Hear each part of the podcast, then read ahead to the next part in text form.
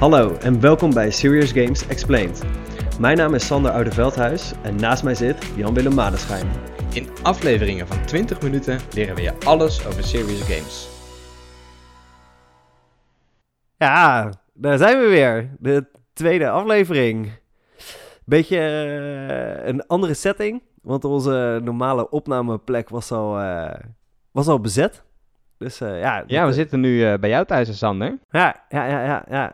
Een mooi, mooi werkkamertje met twee poezen die hier rondlopen, die ons gezelschap houden. Ja, dus, het kan zijn dat je wat gekrets aan de deur hoort of ineens dat er een, een miauwtje voorbij komt, maar... Als het niet lukt om dat eruit uit te filteren natuurlijk. Precies.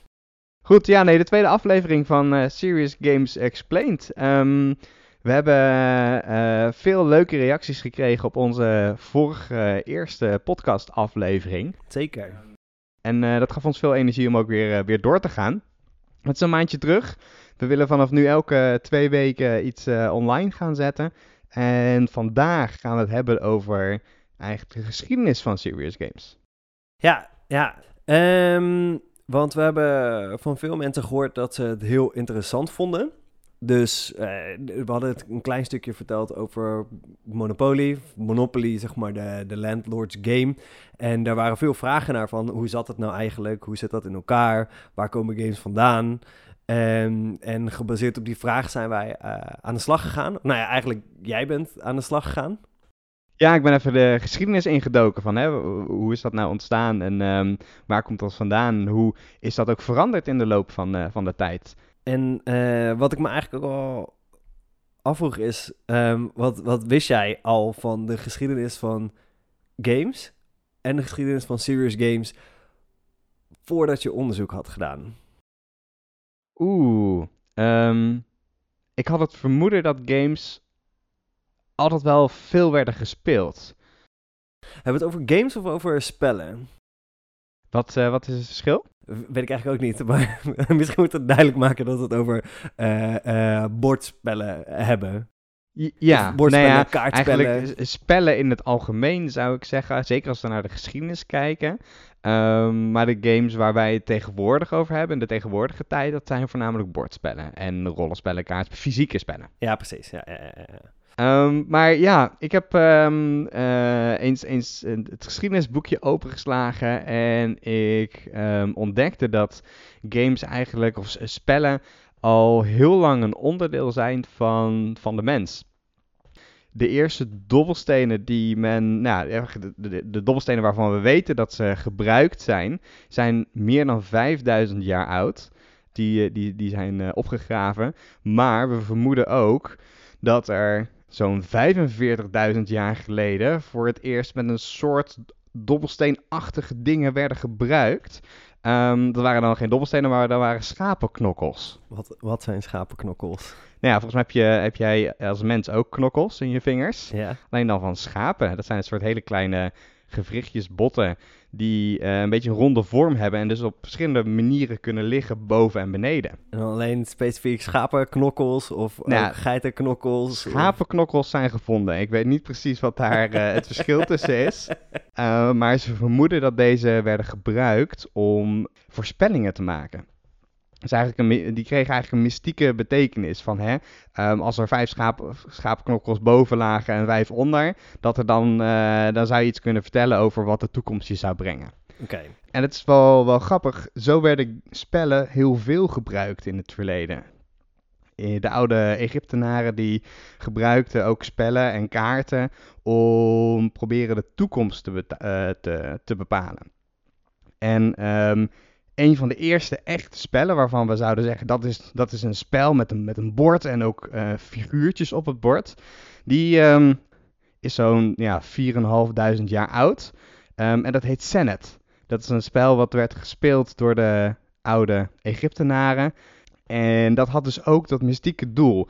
Um, men zei dat, uh, dat, dat dat spel en de score die je daar behaalde iets zou zeggen over het geluk wat je in de toekomst zou hebben. En het leuke was, dit spel werd door de hele maatschappij gespeeld. Zowel alle arme mensen, de slaven, die krasten het bordspel eigenlijk gewoon in steen of in het zand en begonnen daarmee te spelen. En de hele rijke farao's, die hadden prachtige spellen. Uh, die bestonden uit de mooiste speelstukken en figuren. En speelden dat samen met elkaar om, eh, nou, ter vermaak, maar dus ook ter lering om te ontdekken wat de toekomst hen zou brengen. Tijdens het eh, zoeken naar allerlei historie en cijfers en feitjes over boardgames en serious games zijn we ook een hele vette website tegengekomen, namelijk ancientgames.org. En daarop staan eigenlijk eh, ja, alle oude games, antieke games staan daarop ehm, beschreven. Dus ook met de regels erbij, die ze dan gereconstrueerd hebben uit, uh, uit tombes en uit piramides en waar vandaan allemaal. Ja, het is echt heel cool. Um, en dan kan je daar dus ook zelf ja, het spel bij maken. Want zoals je al zei, dat werd veel uitgekrast overal. Dus de vormgeving is niet per se heel moeilijk en kan je makkelijk zelf namaken. Dus dat is wel een vette om een keer te checken. Dat is op ancientgames.org. Ja, en Senet is inderdaad een, een, soort van een echt een klassiek voorbeeld wat je ook daar, uh, daarop kunt uh, vinden. Een spel wat we nu eigenlijk niet meer kennen. Um, maar het leuke is dat er ook spellen zijn die we nu wel kennen, maar die vroeger dus ook al heel veel gespeeld werd en zelfs ook een leerdoel hadden. Een, een voorbeeld daarvan is slangen en ladders. Het is een uh, heel simpel spel waarbij je eigenlijk met een dobbelsteen gooit. En dat aantal ogen mag je vooruit zetten. En als je op een vakje komt met een ladder dat omhoog gaat, dan mag je omhoog. Maar als je op een vakje komt met een slang die naar beneden gaat, dan moet je de slang volgen en dan ga je naar beneden. En wie dan als eerste bij het vakje 100 komt, het bovenste vakje, die heeft gewonnen. En uh, nou blijkt dus dat dit spel echt al eeuwenlang bestaat en van oorsprong komt uit uh, Zuid-Azië. En het heette Moksha Patam. Klinkt, klinkt lekker. Klinkt lekker, ja. en het spel is, heeft zijn oorsprong gehaald eigenlijk uit het, het uitleggen of het verklaren van um, ja, je destiny. Um, je lot. Je lot, ja, dat is het goede Nederlandse woord, je lot. En het vertoont heel erg een, een, een beeld dat iedereen een voorbestemd lot heeft. Dus dat je eigenlijk vrij weinig keuzes hebt, maar gewoon één route door, uh, door het leven. Bijna het tegenovergestelde van voorspellen eigenlijk. Ja, behalve dat je dan met dit spel wellicht kunt zien hoe jouw leven zal gaan, gaan lopen. Maar goed, um, het was voornamelijk om het, om het uit te leggen. Uh, het verschil tussen goede daden en slechte daden doen. Ja, precies. Um, ja. Wat je ook zag is dat, uh, dat er heel veel symbolische uh, ja, iconen op, uh, op zo'n spelbord stonden. Bovenaan was het heel goddelijk met mooie rozen en, en, en engelen. En onderaan was het vaak met vuur en duivels en afschuwelijke beesten. Om te laten zien dat hoe verder je bent in het leven en als je goede keuzes maakt, kun je hoog eindigen en kun je uiteindelijk um, ja, naar een, een, een mooie plek komen. Zoals we allemaal weten inderdaad, dat dat zo nou, zo, zo, gaat, uh, ja, zo, zo, gaat dat natuurlijk. Gaat ja. Um, en het, het, grappige is dat uh, ladders stonden dan ook voor goede eigenschappen van de mens. Hè, dat, je, dat, je, dat je gul was of dat je liefdevol was. En uh, slangen stonden juist voor de slechte eigenschappen. Dan, dan had je moord gepleegd of diefstal, jaloezie, zeg jaloezie lust. En uh, er waren ook meer slangen dan ladders. Want ze geloofden vroeger dat het heel makkelijk was om het slechte pad in te gaan. En het moeilijker was om het goede pad op te Dat is wel een goede basis voor een game inderdaad. Het is makkelijker om de fout te maken. En daardoor wordt Ja. het wel vetter. Want Ja. het is moeilijk Ja. om het goede te En heb je dus heel veel motivatie om naar boven te komen. Je ziet direct de gevolgen eigenlijk van, eh, van wat er gebeurt. En dat is, eh, nou, dat spel is via de Engelse kolonies naar Engeland toegekomen. Hebben natuurlijk heel erg. Eh, nou ja, ehm, eh, veranderd naar onze eigen normen en waarden. En je ziet dat het eigenlijk tot 19, nou, ongeveer 1950 wel is gebruikt om diezelfde moraliteit uit te leggen. Ehm, het werd heel veel als kinderspel gebruikt, maar er stonden nog steeds plaatjes op bij de ladders en bij de slangen. Ja. Waarbij je als je op een vakje met een ladder stond, dan zag je een, een gebeurtenis. Nou, bijvoorbeeld, je was aan het lezen. Als je dan naar boven gaat, dan zie je het volgende vakje dat je afgestudeerd bent, zeg maar, om het positieve te laten zien. ja, precies. En andersom was het dan zo bij een slang, dat je bijvoorbeeld een, een diefstal eh, zag plaatsvinden. En dan ging je, ging je dus terug eh, naar beneden door die slang en dan zie je iemand in de cel zitten. Dus zo, om Ja, zo de moraliteit te laten zien, Ja. van als je slechte dingen doet, dan eh, ga je achteruit in het leven en moet je weer vooruit komen. Ehm, en eigenlijk sinds kort, nou, ja, de afgelopen 50 jaar wordt het niet meer op die manier gebruikt, maar is het een heel simpel spel waarbij je eigenlijk gewoon omhoog en naar beneden moet en zo snel mogelijk naar het eindvakje. Simpele spelregels, maar zonder de moraliteit. Ja. De moraliteit is nu, je moet winnen. Je moet winnen. Dus- Ja, eigenlijk wel. Ja, eh, het moet simpel zijn, het moet snel zijn en je moet winnen. Dat eh, kan ook wel iets zeggen over ons. Misschien ja. moeten we weer terug naar de, het oude Moksha Batam. Ja. Kijken of we dat een keer kunnen spelen. Je had ook nog een heel vet voorbeeld gevonden, Sander. Ja, ik vind het echt. Ik vind dit zo'n cool spel. Ehm, dit is. eh, het heeft een, een vrij lange ontwikkeltijd gehad.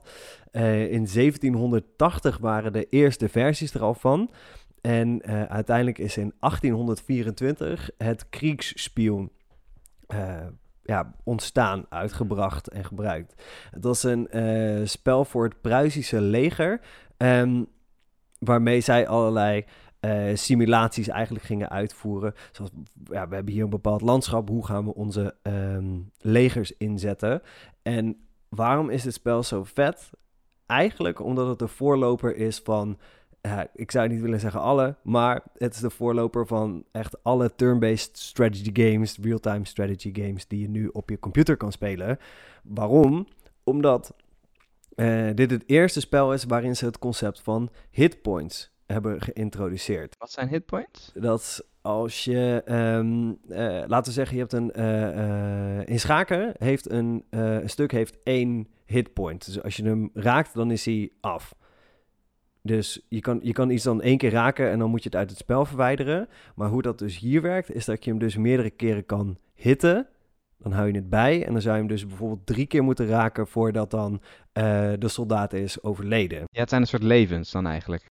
Ja, ja, zo, zo- ja precies. Ja, ja, dus dit was het eerste eh, eh, spel waarbij er meerdere poppetjes werden gebruikt die dan meerdere levens hadden. Ehm, waarom hebben ze dat gedaan? Omdat er voor oudere eh, wargames, oorlogsspellen, kriegspeel in het Duits, eh, was er heel veel commentaar dat het niet realistisch genoeg was. Bijvoorbeeld dus bij schaken. Ja, en dit was dus eigenlijk het eerste spel wat echt realistisch was opgezet. Ja, ja, of in ieder geval realistischer. Ehm, en daar zaten dus nog wel meer realistische dingen in. Namelijk ehm, voor, de computergamer, voor de computergamers onder ons een bekend principe, de fog of war. Eh, oorlogsmist, zoals dat dan zo mooi in het Nederlands heet. Ehm, wat inhoudt dat je dus dingen niet kan zien eh, als jouw troepen daar niet zijn. Bijvoorbeeld bij schaken kan je het hele bord tegelijkertijd zien. Ja, oké. Maar in werkelijkheid, als jij voor een heuvel staat, kan je niet ineens aan de andere kant van de heuvel kijken. Ja. Dus dat zat daarin. Ehm, en ook eh, een ding wat ze daarbij deden, wat ik ook echt heel cool vind, is dat zij de eerste facilitators hadden. De umpire. En wat deed die facilitator dan? Zeg maar, wat, wat bracht dat, wat voegde dat toe aan zo'n spel? Oké, hou je vast. Ehm, de spelers speelden tegen elkaar en eh, spraken niet met elkaar, maar schreven hun orders op briefjes, gaven die aan die umpire, zoals dat heet, en die voerde dan eh, het spel uit, gebaseerd op de geschreven regels. Ja. En ging dan dobbelstenen rollen en eh, ge- gebaseerd op vrij veel regels verwerkte hij dan de resultaten en liet hij eigenlijk het spel steeds verder lopen. Dus dat was een enorm complex spel en dus een vrij grote realistische eh, oorlogssimulatie. Het kriegspel. Werd het veel gebruikt? In de eerste versies niet, die waren alleen voor de, eh, de koning van Pruisen ehm, ingezet. Maar uiteindelijk, na de- een aantal revisies, toen het realistisch genoeg werd, werd het wel, eh, wel veel gebruikt door de generalen de, en de officieren om dus bepaalde simulaties te doen voor gebieden die ze niet kenden.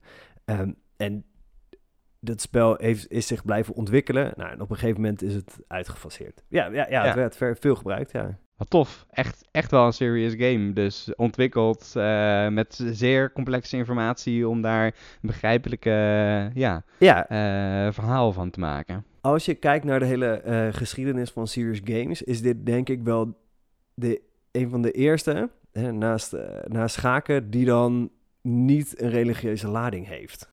Ja, ja, ja, ja. ja Zeg maar, ja, het is echt, echt, echt bedoeld voor een, eh, iets anders dan religie uitdragen. Dus dat vond ik wel heel, eh, heel vet. Ja, en dan... ehm, jij hebt, werd nog even het verhaal van eh, Monopoly. Monopoly. Ja, ik, ik, ik, heb, het, ik heb het vorige keer natuurlijk al, al, al, al genoemd. En toen kwam er inderdaad de vraag van... Ja, ik wil er eigenlijk wel meer over weten. Hè. Waar komt dat vandaan? Hoe, hoe is dit uh, ontstaan? Hoe is het nou verder ontwikkeld? Um, en uh, dat is eigenlijk best wel een interessant verhaal. Monopoly is in 1903 gemaakt door Elizabeth Maggie, wat destijds nog uh, de Landlord's Game heette. Maggie was een uh, zeer uitgesproken dame met een, uh, een, een, een, duidelijke mening over de, maatschappij van toen. Um, en vond het heel erg oneerlijk dat rijke mensen steeds rijker leken te worden en arme mensen ja, continu moeite hadden om, uh, om alle rekeningen te betalen. En wat zij zag is dat Um, het huidige systeem van, van landjeroof en of landjeroof, landroof um, en het verhuren uh, en huren van huizen en grond. Um, er eigenlijk voor zorgde dat die rijken steeds rijker werden en de armen continu veel vaste lasten hadden. Maggie geloofde erin dat ze met een spel een lastig concept kon uitleggen. En zo ontwikkelden ze de Landlords Game, wat echt onwijs aansloeg en dus die verschillen uh, en de, de, gevolgen vooral van het huidige systeem lieten zien. Um, er werden ook veel het, het, het, werd veel gespeeld en er werden ook veel kopieën van gemaakt. Kopieën die dan net even een andere insteek hadden. Die gingen over uh, het economische systeem, die gingen over het bieden en uh, hè, ver, het veilen van, van stukken grond. Um, en ook over monopolies. Vanuit daar is uiteindelijk ook Monopoly ontstaan. En het, het cruie is dat Maggie daar nooit echt heel veel uh, ja, van terug heeft gezien en nooit ook is gezien als rechtmatige verzinnaar van dat spel. Want de grote bedrijven hebben, uh, nou ja, via. Dit is een vrij ingewikkeld uh, verhaal. Maar er zijn allerlei patenten omtrent deze games. Uiteindelijk is er één groot bedrijf de winnaar uitgekomen. Die Monopoly nog ja, tot op de dag vandaag um, weet te exploiteren en uh, uh, daar echt duizenden varianten van, uh, van heeft gemaakt. Monopoly is en blijft nog steeds het grootste spel op aarde, het meest verkochte spel. Bloomberg vertelt dat Monopoly een market share van meer dan 29% heeft in 2018. Zo. Dus, het, dus één op de drie bordspellen is Monopoly die dan bizar. verkocht wordt dat jaar. Ja. één op de drie. En niemand kent de regels. En het, eigenlijk, het zorgt voor, heel veel, voor, voor, voor, heel veel familieleed gezorgd. ja, ja. Dus dat, het laat nog steeds de oneerlijkheid, on, oneerlijkheid van het systeem goed zien. Eigenlijk wel. In hoeverre dat systeem nog steeds zo nu aan de gang is. Nou, ik denk tot op zekere hoogte wel. Dat, uh, je ziet het ook met de huidige huizenmarkt. Uh, wordt steeds duurder om, om te huren en winstgevender eigenlijk voor de mensen die, uh, die uh, ja. ja. vastgoed hebben. Ja. Terwijl de armste mensen uh, daar ja, het meeste last van hebben. Ja. Populaire plekken zijn duur. Ja, ja, ja, ja, ja.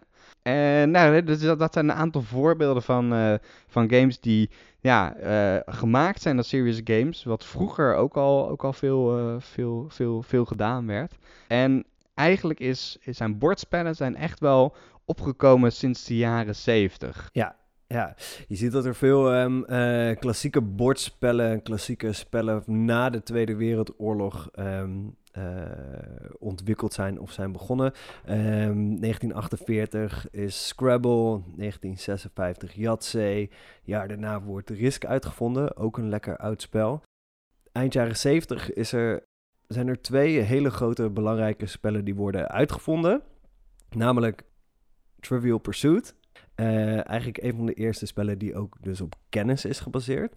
Die dus niet op, uh, op wiskunde gebaseerd is of op dobbelstenen rollen. Ja, gedeeltelijk, maar eigenlijk gaat het om de kennis. Een heel ander soort spel. En uh, in 1974 wordt ook Dungeons and Dragons gelanceerd voor degenen die het niet kennen, het is een uh, spel waarin je je fantasie gebruikt om een verhaal te creëren en daarin verder te gaan. Ook wel bekend vanuit uh, de serie Stranger Things. Uiteraard. Ja, ik heb geen Netflix. ik kijk dat niet, zo, niet zoveel. Uh, wat, wat wel grappig is, want dus het spel is in 1974 uitgekomen en is nu weer een, een opleving aan het beleven. En Ja, het mooie is eigenlijk ook dat dat, dat heel veel invloed heeft gehad op digitale games. Vanuit uh, Dungeons Dragons, zeg maar, dat soort spellen, dat waren ook de eerste games die digitaal uitkwamen. Um, de eerste games die digitaal uitkwamen waren zelfs uh, volledig textueel gebaseerd. Dus had je geen beeld, maar alleen maar tekst. Heel interessant. Gaan we nu trouwens niet verder op in. Daar hebben we deze podcast uh, geen, geen tijd voor. Maar die digitalisering die heeft heel wat, wat gebracht in, in de gamewereld. Uh, hè, gamen ontplofte. Je had gameconsoles waarmee je met beeld opeens spellen, spellen kon spelen. Dat kon je samen doen. Um, bizar. Daar zijn ook heel veel weer uh, educatieve games bijvoorbeeld aan Red Cats. Het uh, rode kat uh, die allemaal wiskundige avonturen beleefde. waarbij je sommen moest oplossen om de goede racebaan afkortingen te kunnen krijgen. Waarbij je voor de letterspellen had. van alles en nog wat. Of Freddy Fish, voor de, wat, voor de jongere, jongere luisteraars. Red Cats vrij uit. Um, niet te vergeten ook America's Army. Uh, de, de, eerste grote recruitment digitale game die gemaakt is door het Amerikaanse leger. Ja, ja dat is gewoon een schietspel waar, uh, uh, ja, eigenlijk gemaakt vanuit het Amerikaanse leger om nieuwe mensen voor het leger te werven. Heb je, die, heb je hem gespeeld? Ik heb het vroeger wel gespeeld. Ik heb het ook echt heel veel gespeeld. Ik wist helemaal niet eens dat het een recruitment game was destijds. Niet? Oh, nee, nee, maar ik vond het wel heel Amerikaans. Ja, en moeilijk ook wel. Ja. Laten we dat ook niet ja, vergeten. tactiek was daar erg belangrijk en communicatie tussen de spelers ook. En dat was uh, ook een van de redenen dat ze, hem, dat ze hem zelfs inzetten tijdens het onboardingproces. Hoe populair digitale games ook zijn, uh, we zien ook dat er steeds meer interesse is voor offline games. Dus dat mensen eigenlijk in het echte leven gewoon contact met elkaar willen hebben, in dezelfde ruimte bij elkaar zijn. Um, zeker nu, ja, zelfs ondanks het coronavirus, uh, willen we nog steeds graag bij elkaar zijn. En dat zien we dus ook wel bij de, uh, bij de serious games heel erg. Dat bedrijven steeds meer op zoek zijn naar games die niet, helemaal, niet 100% digitaal zijn, maar die mensen dus ook bij elkaar brengen. Um, en dat is ook waar we het volgende week over gaan hebben. Ja, want dat is wel erg interessant. We zien dat vanuit het verleden uh, games worden gespeeld ter lering en vermaak. Uh, maar dat er heel vaak wel een, een, een, leerelement in zit. Of dat je er iets van leert zonder dat dat specifiek bewust bedoeld is. En hoe dat nou werkt, hoe dat nou komt, waarom mensen zo, zo goed iets leren van spellen en dat, dat ook motiverend werkt, daar gaan we het de volgende keer uh, over hebben. Voor nu wil ik je heel erg bedanken voor het luisteren naar deze podcast. Ik wil je ook heel graag bedanken voor het luisteren naar de podcast. We zijn erg benieuwd wat je ervan vond. Laat dat ons vooral weten via een, uh, een leuke review in de iTunes Store. Of via LinkedIn kun je ons ook bereiken en ons laten weten wat je ervan vond. Volg ons ook vooral om uh, de volgende afleveringen in je feed te krijgen. Je kunt ons absoluut een vraag stellen als je meer wilt weten over een specifiek onderdeel in de Serious Game. Of misschien zelfs over een specifieke Serious Game meer informatie wilt weten. Dan uh, nemen we dat mee in de volgende afleveringen. Hartstikke bedankt en tot de volgende. Ja, super bedankt voor het luisteren en uh, tot aan de volgende. Houdoe! Beste luisteraars, dat was hem weer. Je hebt geluisterd naar Serious Games Explained. We hopen dat je dit met plezier hebt gedaan en er wat van hebt opgestoken. Heb je nou een vraag of wil je iets weten over Serious Games? En zou je in de uitzending willen komen? Stel ons je vraag via LinkedIn of stuur ons een mail. We horen graag wat je van deze aflevering vond via een review of een persoonlijk bericht. Tot de volgende.